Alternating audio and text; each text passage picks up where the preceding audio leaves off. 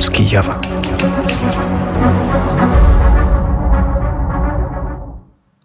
565 dzień rosyjskiej inwazji na Ukrainę, inwazji na pełną skalę. Wita się Paweł Bobołowicz, audycję realizuje Mikołaj Poruszek. Siły zbrojne Ukrainy wyzwoliły część wsi Opytne. Ten fakt potwierdziła wiceminister obrony Ukrainy Hanna Maliar. Ukraińskie wojska odniosły także pewne sukcesy w rejonie Kliszczyjówki i Andriiwki w kierunku Bachmutu. W zeszłym tygodniu ukraińskim wojskom udało się wyzwolić 2 km kwadratowe. Ponadto siły zbrojne deokupowały 1,5 km kwadratowego na, na froncie południowym południowym. O sukcesach sił zbrojnych Ukrainy na froncie zaporowskim i pod Bachmutem poinformował także prezydent Ukrainy Wołodymyr Załański. Rosja umieściła wzdłuż granicy z Ukrainą 46 wyrzutni kompleksu rakietowego Iskander i skoncentrowała na okupowanych terytoriach ponad 420 tysięcy swoich żołnierzy, poinformował o tym ukraiński wywiad. Szef wywiadu Kryło Budanow wypowiedział się również na temat perspektyw kontrofensywy. Według niego armia ukraińska będzie nadal nacierać pomimo zimnej i deszczowej pogody. Z kolei amerykański generał Mark Milley, przewodniczący Kolegium Połączonych Szefów Sztabów, uważa, że siłom zbrojnych Ukrainy pozostało około 30-45 dni na aktywną fazę kontrofensywy przed nastaniem jesiennej pogody. Generał Milley powiedział, że jest zbyt wcześnie, aby stwierdzić, że ofensywa się nie powiodła i dodał, że Ukraina bardzo równomiernie posuwa się przez rosyjską linię frontu. W nocy i nad ranem Rosjanie masowo bombardowali obwód Dniepropietrowski. Wykorzystano artylerię, rakiety kierowane i drony kamikadze. W Krzewym Rogu w wyniku uderzenia rakietowego wybuchł pożar. Na razie nie ma informacji o ofiarach. Siły powietrzne donoszą o zestrzeleniu 12 szachedów. W ten weekend w Rosji odbyły się wybory lokalne. Nielegalne głosowanie odbyło się także na terytoriach okupowanych. Najwięcej głosów rzekomo otrzymali przedstawiciele jedynej Rosji. Rada Europy potępiła fikcyjne wybory na terytoriach okupowanych i nazwała je nieistotnymi z punktu widzenia prawa międzynarodowego. Straszne wieści dochodzą do nas też z terenów wokół Bachmutu. Rosyjscy żołnierze ostrzelali samochód czterema zagranicznymi ochotnikami w pobliżu miejscowości Czasif Jar w wodzie donieckim.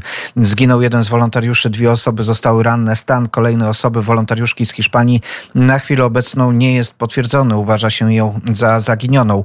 I przenosimy się na te tereny, gdzie jest Kuba Stasiak, polski wolontariusz i nasz współpracownik. Dzień dobry dobry, Kubo. Dzień dobry, Pawle, dzień dobry Państwu. E, Kubo, informowałeś nas o tej sytuacji w ostatni weekend. Ci wolontariusze to osoby, z którymi pracowałeś, które znałeś. Tak, e, cała czwórka. Jestem w stanie ich uznać za moich bliskich przyjaciół. I właśnie ta sytuacja, o której wspomniałeś na końcu e, wiadomości, miała miejsce E, tuż pod naszym nosem tak naprawdę, obok Czes i Wiaru na trasie na Iwaniwskie. E, na trasie tak naprawdę owianej bardzo złą sławą, która, która jest odsłonięta, na której Rosjanie czyhają. I w tym momencie mamy do czynienia, czy mieliśmy do czynienia z atakiem dronu kamikadze właśnie. Te informacje mówią o tym, że dwie osoby są ranne. E, wiemy, że jedna osoba zginęła. Niestety wolontariuszka z Hiszpanii jest uznawana za zaginioną. Czy coś więcej może e, wiesz, co oznacza szczególnie sprawa dotycząca dziewczyny z Hiszpanii? To zaginienie, czy to oznacza, że mogła zostać e, porwana, przejęta przez wojska rosyjskie, czy po prostu nie została odnaleziona? Czy coś więcej na ten temat wiesz? E, tak, natomiast jesteśmy w trakcie właśnie um, całej procedury wydobywania ciała, jako że ciało naszego przyjaciela Antonego, którego przezywaliśmy Tonko, zostało odnalezione niespełna godzinę po, po ataku. Mężczyzna nadal żył. Zginął niedługo, niedługo później w wyniku wykrwawienia. Natomiast Emma, Emma, nasza przyjaciółka, która kierowała NGO-sem Road to Relief, mm, była w aucie, była w aucie, które doszczętnie spłonęło, więc e, terminy, o których mówimy, są tak naprawdę. Mm, czekamy po prostu na, na oficjalne potwierdzenie, jako że nie, nie jesteśmy w stanie wydobyć fizycznie ciała, szczątków e, z samochodu, który został właśnie na tej trasie owianej złą sławą. Więc e, natomiast co do pozostałej dwójki, całe szczęście chłopacy żyją, mają się dobrze. Cały czas nawiguje naszymi znajomymi, których podesłaliśmy do Dnipra, którzy czuwają nad nimi. Nasz przyjaciel Ruben z Niemiec i Johan ze Szwecji, obaj chłopacy czują się, czują się dobrze i w ciągu paru następnych dni zostaną oddelegowani do swoich krajów, gdzie będą dalej leczeni, będą odpoczywać. Więc e, mieli olbrzymie szczęście. Auto przekoziołkowało po ataku drona i e, tak naprawdę zwyczajnie cudem udało się tym dwóm chłopakom dotrzeć pieszo do, do posterunku Azowa, blisko 5 kilometrów dalej. Tam zostali przejęci. Stamtąd zostali właśnie oddelegowani do, do szpitala, następnie do szpitala w Dniprze. Więc e, obecnie są hospitalizowani, czuwamy nad ich stanem zdrowia i, i wiemy, że będzie dobrze. Natomiast e, co do Emmy i Tonko, mm, wiemy już na pewno, że, że niestety dobrze nie będzie. Natomiast e, nie pozostaje nic innego, jak mówić o tym przypadku, o tym ataku, o tych atakach i o tym, że wojna trwa nadal, po to, żeby móc przekonywać ludzi do tego, by partycypować, by, by uczestniczyć w działaniach wolontaryjnych, wspierać wolontariuszy, wspierać działania oddolne, takie jak właśnie NGOs Road to Relief, e, po to, żeby móc dalej docierać do cywili i pomagać ludziom tam, gdzie jest tego potrzeba. Właśnie wspomniany NGOs jest jednym z niewielu, który naprawdę działa na pierwszej linii frontu. Stąd to ryzyko i stąd te ofiary. E, ofiary są tak naprawdę wkalkulowane w naszą pracę, natomiast w każdym momencie, kiedy, kiedy tracimy kogoś bliskiego, a po raz kolejny otwierają nam się, nam, się, nam się oczy na to, że tak naprawdę każdego kolejnego dnia mm, pracujemy w bardzo newralgicznych miejscach i nawet jeżeli przywykamy do tego ryzyka, ono czai się zawsze i wszędzie. W tym momencie, jeżeli chodzi o technikalia, Rosjanie dysponują całą armią tak naprawdę dronów e, kamikadze, których użycie jest tak naprawdę dla nich e, błahostką. To są koszta rzędu tysiąca, tysiąca paruset dolarów. Więc zużywanie tego rodzaju broni e, jest, jest dla nich, tak jak mówię, błahostką. Mm, natomiast znowu, wracając, wracając do sedna, postaram się użyć tego przykładu naszych przyjaciół do tego, żeby móc przekonywać ludzi do tego, że wspierać, że należy wspierać działania wolontaryjne, te oddolne i większe, bo wojna trwa nadal. Czy jesteś w stanie powiedzieć, jak oceniasz ty, jak oceniacie, e, oceniają te osoby, które są tam bezpośrednio na miejscu? Czy to był celowy atak na e, wolontariuszy, czy e, te rosyjskie formacje, które atakowały, wiedziały, że atakują wolontariuszy, czy po prostu był to jeden z kolejnych ataków, w którym przypadkowo ofiarami są wolontariusze? Sytuacja jest dość nieoczywista. W tym momencie pracujemy też nad materiałem dowodowym po to, żeby móc ewentualnie udowodnić e, potencjalną zbrodnię wojenną. Natomiast skłaniając się ku tej drugiej opcji, czy wspominając o niej, e, tak jak wspomniałem, w tym momencie kalkulacja schodzi na dalszy plan. Czy to będą wolontariusze, czy auto militarne, czy to będzie stara lada. W tym momencie koszt użycia takiego drona jest e, na tyle niski, że Rosjanie i tak pokuszą się o atak. Jeżeli mają taką możliwość, jeżeli miejsce jest wysunięte, wyeksponowane i łatwo jest w nie uderzyć, oni to zrobią. I nie można nic mądrego chyba tutaj powiedzieć, żadna puenta się na końcu języka nie czai, po prostu wszystkie te działania na, na linii frontu, czy to ewakuacje, czy, czy innego rodzaju pomoc humanitarna, jest obarczona ryzykiem. W tym momencie tym większym, że tak jak mówię, ataki dronów kamikadze, tak na odcinku kupiańskim, gdzie pracowaliśmy przez ostatni miesiąc, jak tu i na Donbasie, gdzie obecnie się znajduję w Słowiańsku, zaczynają przechodzić do porządku dziennego, więc jest to tak naprawdę kolejna obawa, która, która w nas urosła. E, to ciężka praca, którą wykonuje też e, Kuba e, Stasiak, ten, ty jako wolontariusz i też jako nasz współpracownik. Przypominam Państwu, że możecie śledzić działania Kuby na jego profilu na Instagramie Czarne Kuby Owcy. Bardzo Ci serdecznie dziękuję. To jest zawsze taki moment, w którym zastanawiam się, co mogę Ci powiedzieć wprost dla Ciebie i oprócz tych słów trzymaj się, niewiele przychodzi do głowy, ale Trzymaj się, Kubo. Dziękuję bardzo i do usłyszenia. Pozdrawiam. Do usłyszenia. My przenosimy się do Kijowa, gdzie jest e, Dmytro Antoniuk. Dzień dobry, Dmytrze. Dzień dobry, Pawle. Witam Państwa serdecznie. Straszne te wiadomości bezpośrednio mm, z linii frontu. Też e, ciężkie wiadomości z tego ostatniego weekendu mm, z Kijowa. Też e, Kijów stał się miastem, na którym, mm, który był zaatakowany przez rosyjskie drony. Tak jest. E, ze swojego domu po prostu obserwowałem, jak dwa co najmniej drony były zestrzelone. E, no i było blisko od mego mieszkania i było bardzo głośno. Teraz e, już jest informacja oficjalna o tym, że mm, cztery osoby są poszkodowane w wyniku tego ataku w poprzedniej nocy, nie tej, co mieniała, a poprzedniej. Ponad 100, ponad 100 budynków w obwodzie kijowskim są e, no, uszkodzone.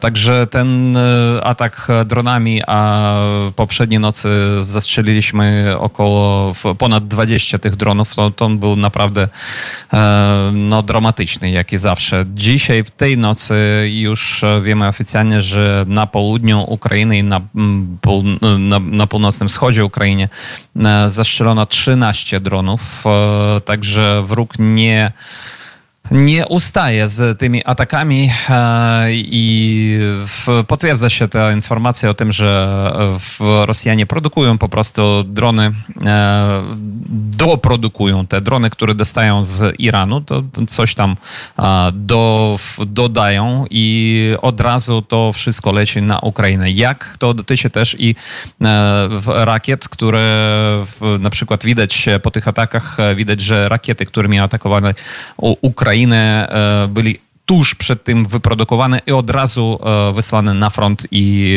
e, wysłane na Ukrainę. Mm, oprócz tych wersji frontowych są też rzeczy, o tych, o tych opowieści frontowych są też opowieści z Kijowa. Jedną z takich opowieści rozpocząłeś w programie wschodnim w ostatnią sobotę. Dotyczyła upamiętnienia Konstantego Ostrowskiego. Na dzisiaj przygotowałeś materiał dźwiękowy z tych uroczystości.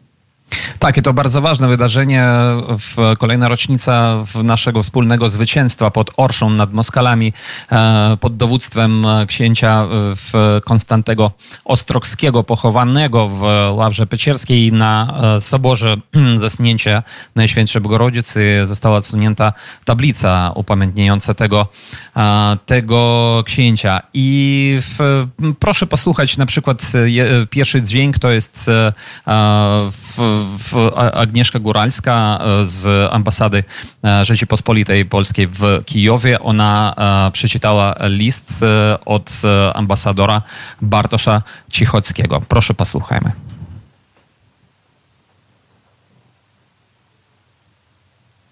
I chyba nie słyszymy tego dźwięku. Mam nadzieję, że Państwo mnie przynajmniej słyszycie. Nie jestem e, pewien, czy nasz realizator, e, co się wydarzyło, że już jest, tak? To słuchamy dźwięku. 8 września 1514 roku 8 września 1514 roku Konstanty Ostrogski dowiódł Maksymę, że jakość zwycięża ilość rzeczywistością. Wtedy nasze narody ramię w ramię walczyli ze wspólnym wrogiem. Czas przemija, a wróg pozostaje. Nasze narody wtedy i nadal walczą ramię w ramię. Przelana krew łączy nasze narody w walce o wspólne ideały. Wspólnie do zwycięstwa. Chwała Ukrainie, niech żyje Białoruś. Sława Ukrainie! I żywie Białoruś. Żywie wieśne. Dmytrze, ja... to usłyszeliśmy drugi z dźwięków, tak? To, tak, to e, jest... nie była... Tak.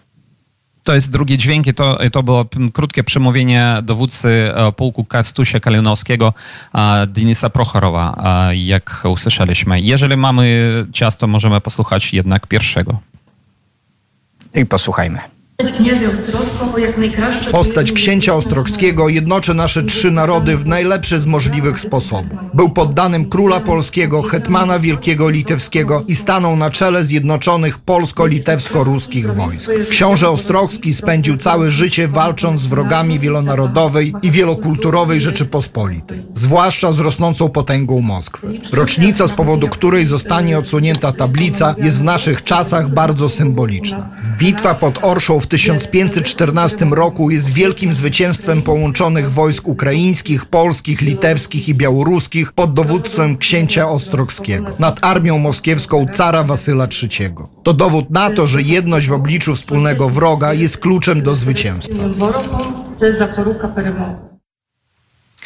I e, to było przemówienie e, pani Agnieszki Góralskiej z ambasady Rzeczypospolitej Polskiej w Kijowie i ona e, przeczytała list od pana ambasadora Bartosza Cichockiego. No i przypomnę, to było w, w uroczystość otwarcia tablicy pamiątkowej ku czci Konstantego Ostrogskiego w sobotę w Ławrze Piecierskiej w Kijowie niezwykłe e, miejsce, niezwykłe e, miejsce. Cała Ławra Pieczerska jest przecież e, nieprawdopodobnie ciekawym miejscem, ale też tym miejscem, które wpisuje się w dziedzictwo Rzeczypospolitej, co czasami nam umyka, być może z tej perspektywy historycznej. O tym dziedzictwie Rzeczypospolitej opowiadasz w swoich podcastach. Dzisiaj kolejny odcinek, o czym dzisiaj posłuchamy? Dzisiaj, e, no skoro e, Konstanty Ostrowski, to znaczy będziemy znów opowiadać o dziedzictwie ostrowskich, a mianowicie o mieście Dubno, które było jednym z, e, jedną ze stolic tego rodu książęcego. I dzisiaj posłuchamy o zamku w Dubnie, o słynnych kontraktach dubieńskich, o tym, co pozostało w tym mieście, a pozostało tak naprawdę dużo, mimo tego, że były byli tam i komuniści i tak dalej, i tak dalej. Także posłuchamy e, tego odcinku podcastów e, o Dubnie. Czyli na ukraińskim szlaku opowieści o Lwowie i nie tylko Dmytro Antoniuk e, razem z Wojciechem Jankowskim. Słuchajmy. Na ukraińskim szlaku. Opowieści o Lwowie i nie tylko. Witamy w kolejnej części naszej serii podcastów Wycieczki po wspólnych zabytkach Starej Rzeczypospolitej, które znajdują się na Ukrainie, a tę wycieczkę prowadzi Dmytro Antoniuk.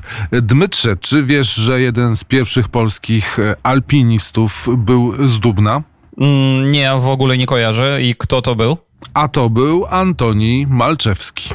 A, no to e, chodzi znaczy o tego Antoniego Malczewskiego, który e, był autorem słynnego poematu Maria i był też prekursorem romantyzmu, e, w, związanego też z Wolyniem bardzo, bo podejrzewam, że też e, znał się z słowackim. Biorąc pod uwagę tu, gdzie mieszkał, było to bardzo prawdopodobne. Tak, e, Antoni Malczewski zmarł w 1826 roku, a pochodził z małej e, w miejscowości Kniachinin, która znajduje się pod Dubnem. I o Dubnie dzisiaj będziemy rozmawiali. Podobno jak i Ostróg, Dubno było też jednym z najważniejszych e, centrów i, i, prywatnym miastem e, rodu Ostrogskich. E, pierwsza wzmianka o Dubnie, jak i o Ostrogu pochodzi e, z roku tysiącznego setnego, też w kronice e, Nestora. I dalej e,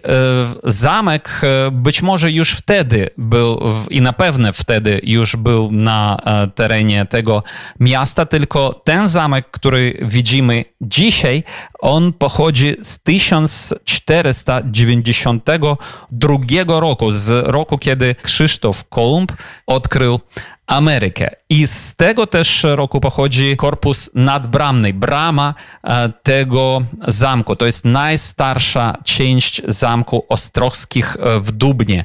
E, my widzimy też na tej bramie herb Ostrowskich i podobno ten herb jest oryginalny, czyli jeszcze być może z XVI wieku, z czasów, kiedy tutaj przybywał na przykład e, Konstanty Wasyl Ostrowski i jego syn Janusz, a akurat jego syn Janusz przyniósł skarbiec rodu Ostrowskich z Ostroga do Dubna. I e, też e, rozbudowywał ten zamek e, za nową, e, tak zwaną modelą nową włoską, czyli wybudował dwa bastiony, które widzimy i dzisiaj. To jest też unikatowy zamek pod tym względem, że on ma nie cztery bastiony, a tylko dwa, bo z innej strony on jest otoczony rzeką Ikwą i akurat ta rzeka, która jest w miarę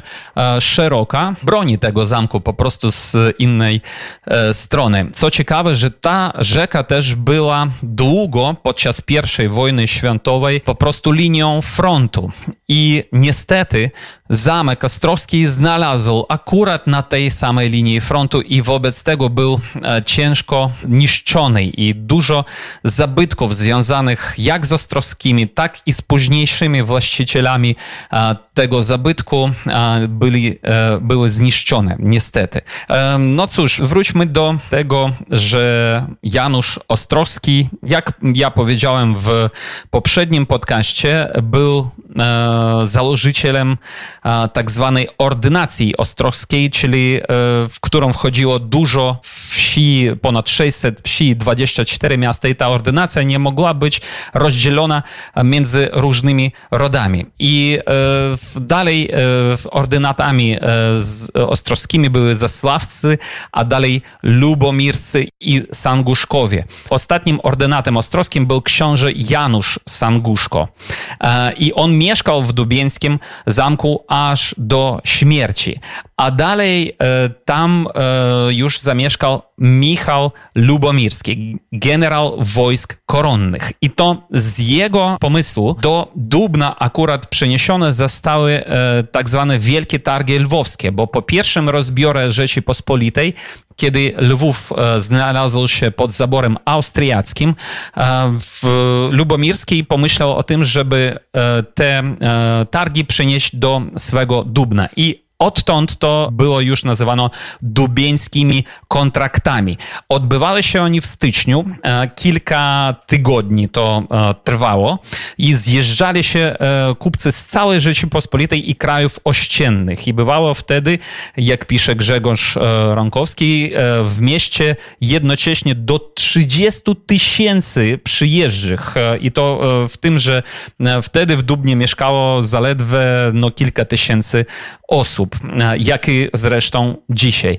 No a dalej e, już po e, trzecim rozbiorze Rzeczypospolitej ostatecznym te kontrakty przyjechali do Kijowa i dzisiaj ty Wojtku pamiętasz, że w Kijowie jest miejsce z tym związane, tak? Oczywiście, nawet jest stacja metra, która nosi tę nazwę. Dokładnie, to jest kontraktowa plościa, czyli plac kontraktowy, na którym zachował się budynek z 1811 roku, gdzie odbywały się te kontrakty, na które przyjeżdżał też Balzac na przykład.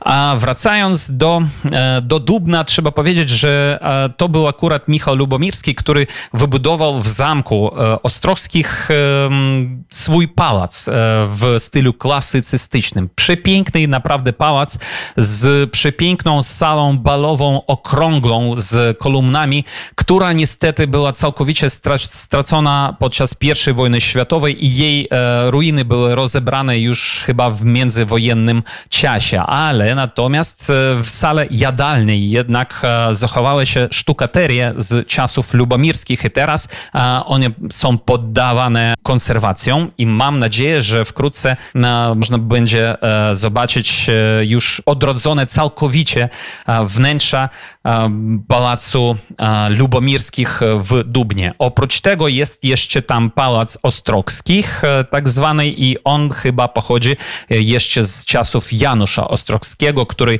zmarł jeszcze w pierwszej połowie XVII wieku. Ale to, co mnie osobiście e, bardzo cieszy, jest to, że w nadbramnym korpusie, w bramie tego zamku, kilka lat temu urządzono salę tronną, czyli tam jest taki, takie krzesło, które przypomina tron, e, gdzie mogli kiedyś e, siedzieć ostrowscy, kiedy tam był ich też skarbiec. Z tamtych czasów akurat zachował się świecznik gdański z 1575 roku świecznik jest potężny w wzrost człowieka.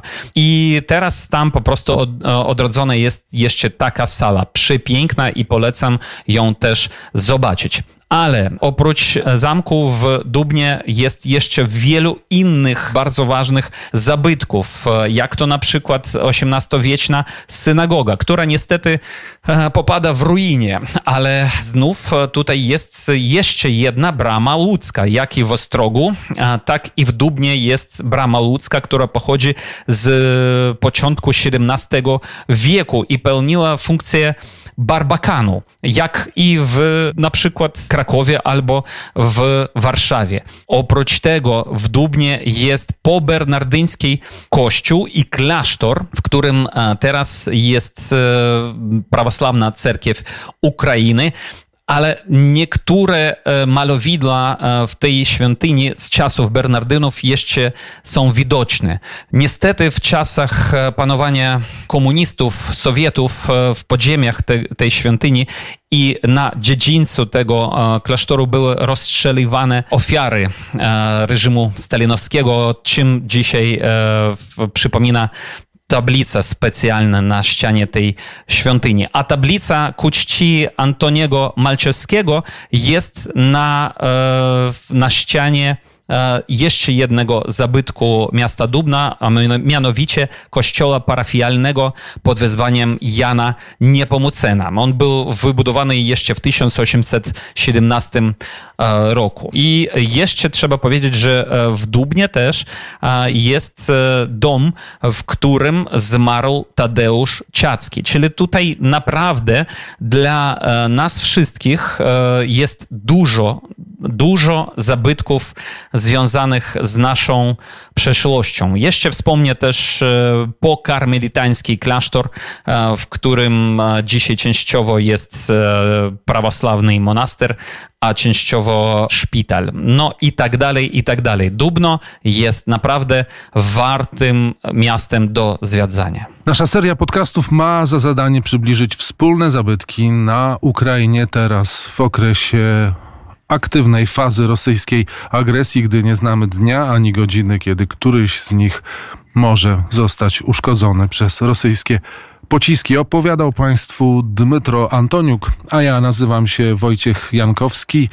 I co w następnym podcaście? A w następnym podcaście rozmawiamy o Starym Siole i o Zamku Znów Ostrogskich, tylko teraz już nie na Wołyniu, a na Lwowszczyźnie, niedaleko od Lwowa. Podcast na ukraińskim szlaku opowieści o Lwowie i nie tylko powstał we współpracy z Instytutem Polonika, który prowadzi projekty o charakterze konserwatorskim, naukowo-badawczym, edukacyjnym i popularyzatorskim. Poznaj zasoby danych o polskim dziedzictwie za granicą. Odkryj bogactwo polskiej kultury na baza.polonika.pl.